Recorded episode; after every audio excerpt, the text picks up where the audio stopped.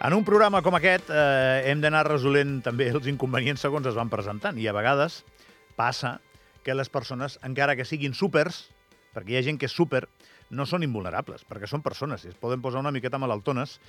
I avui és el que li passa a Marta Alberg, que té un espai en aquí que a mi m'encanta, un espai molt celebrat, que es diu l'Alberg de l'Alberg, sobre temes de cooperació, sensibilitat ciutadana, social, etc etc. Però avui farem l'Alberg de l'Alberg sense l'Alberg. O sigui, és una secció que es diu l'Alberg de l'Alberg sense l'Alberg. Eh, Marta, eh, millora't, eh, bonica, que això no és igual sense tu, però teníem una part de l'espai que estava preparada i adjudicada en format d'entrevista per un motiu en concret i la complirem perquè la persona que ens pot atendre ho fa encantada per parlar de tota la part, i no és menor, de la identitat sostenible de la candidatura andorrana als Campionats del Món d'Esquí de l'any 2029. Víctor Torres és el director de sostenibilitat d'aquesta candidatura. Víctor, bon dia. Bon dia, Gavi. Com anem? Un plaer, home, pues un plaer que sentir-te i, bueno, sentir-te no, que et sento molt sovint, però sí poder parlar amb tu, perquè, bueno, ets un referent i estem molt contents. Jo, personalment, i de la candidatura, també. Bueno, ja, ja, ja mirarem a veure on et posem els diners per tot això que has dit. no. Gràcies, Víctor, pel que dius i per escoltar-nos, que per això treballem, perquè ens escolteu. Uh, company, és, és molt rellevant ara, a dia d'avui, potser fa uns anys era més inusual que una candidatura tingui tota aquesta identitat desenvolupada, no? Però igual des de fora ho trobem com un fet més senzill. Tu ens explicaràs com es fa això. Bueno, al final és un compromís eh, per tota la ciutadania, un compromís pel país. Eh, la candidatura Andorra 2029 no només és un esdeveniment esportiu, sinó és un motor de canvi, aquesta és la voluntat per tot el país.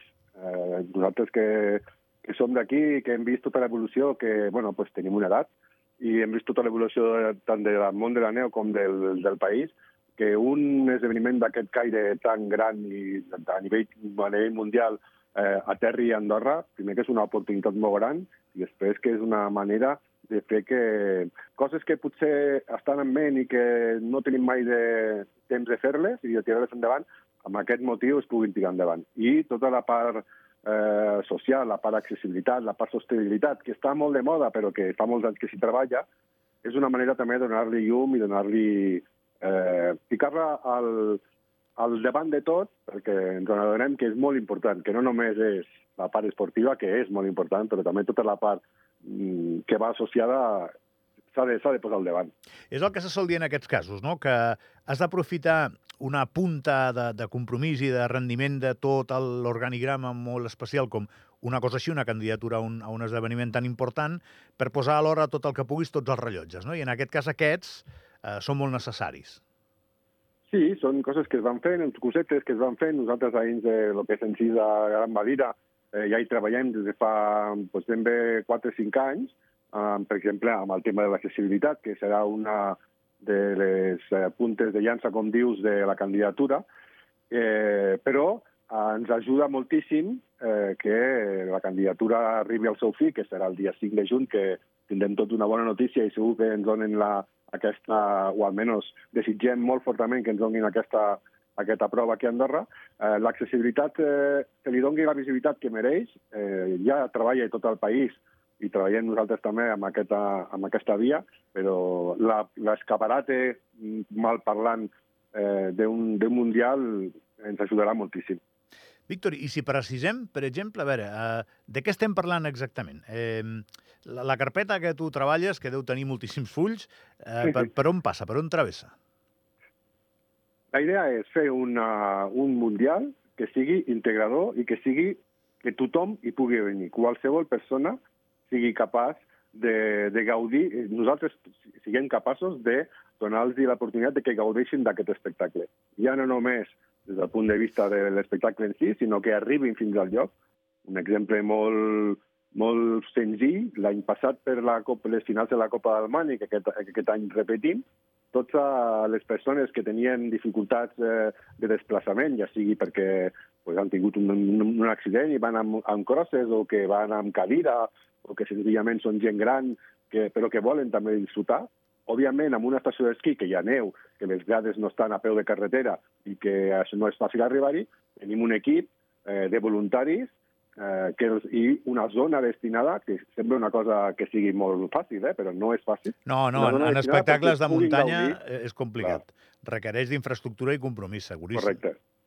I que puguin gaudir de l'espectacle exactament igual. Mira, una petita anècdota, l'any passat ens van vindre ajudar eh, el, a, a, als nois del batxillerat d'Andorra, que estaven fent el seu projecte d'integració social, i van, eh, ens van vindre ajudar dins del seu projecte a, a fer de voluntari. I després van editar un vídeo que la veritat ens va passar la mà per la cara a tots i ens va fer reflexionar perquè el seu vídeo anava de com nosaltres hem gaudit de l'espectacle com a espectadors i com a voluntaris i com l'han gaudit la gent que ha vingut pues, amb cadira, eh, gent gran, amb crosses, eh, tota aquesta gent com l'han gaudit.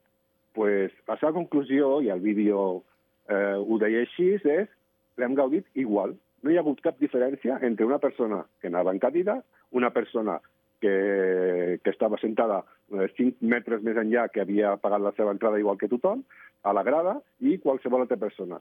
Aquesta és l'accessibilitat la, la, que redueix això, de que qualsevol persona vegi igual que tot el món l'espectacle. I quan parlem d'un mundial, clar, evidentment són molts dies, són molts escenaris, aquest repte, portar-lo fins allà, no només és que a l'estació siguem accessibles, sinó que el poble de Soldeu sigui accessible, la parròquia de Canilla sigui accessible i que el país sigui accessible. Ja no només és per la gent que va en cadira o que té alguna dificultat, sinó per la gent que té baixa visibilitat, per la gent que té eh, qualsevol altre me, eh, me, eh, medi dificult, que sigui dificultat, eh, eh, apropar-se fins, a, fins al país. I tu, Víctor, ets el responsable de coordinar tots els esforços perquè quan portem sí. aquesta candidatura allà i ens analitzin, eh, siguem els sí. millors de tots o impecables amb això.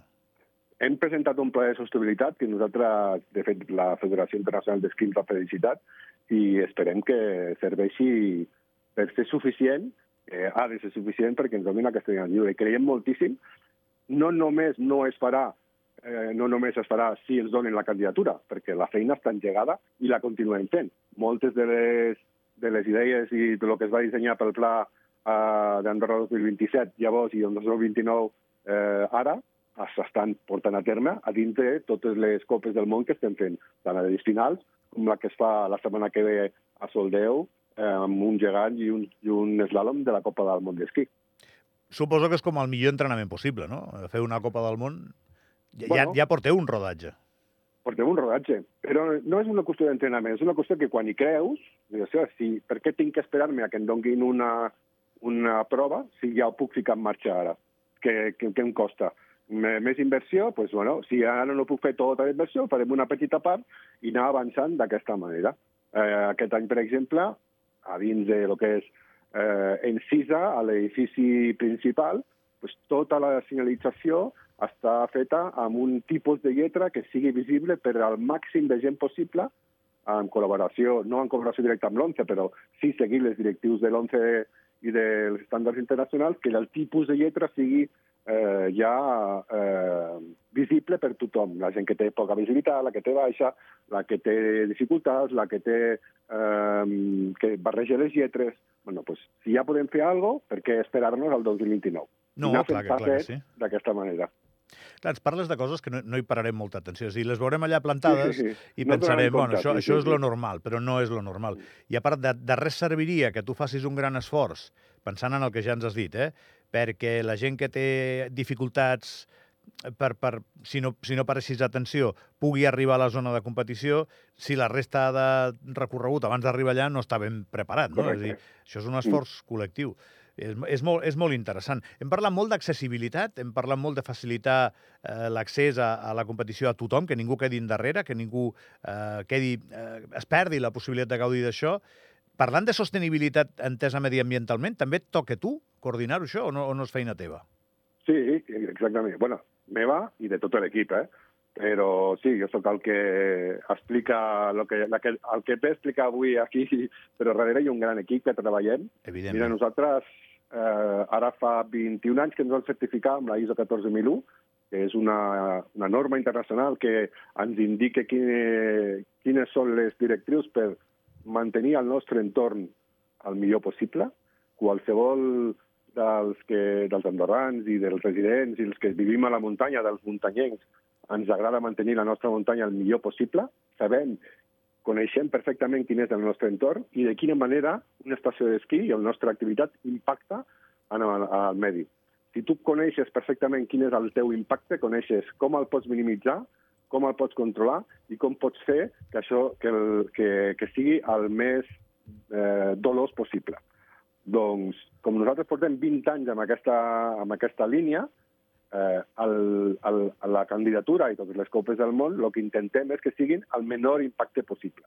El menor impacte possible doncs, amb la gestió de residus, amb la gestió de l'aigua, que és tan i tan important avui en dia, amb, la, amb el consum elèctric, i sabem exactament eh, quin consum elèctric tenim, sabem exactament a on podem eh, minimitzar aquest, uh, aquest consum, a on podem gastar menys aigua, com i com eh, podem fer menys neu o la neu necessària perquè, eh, perquè sigui eh, no fer-ne de més.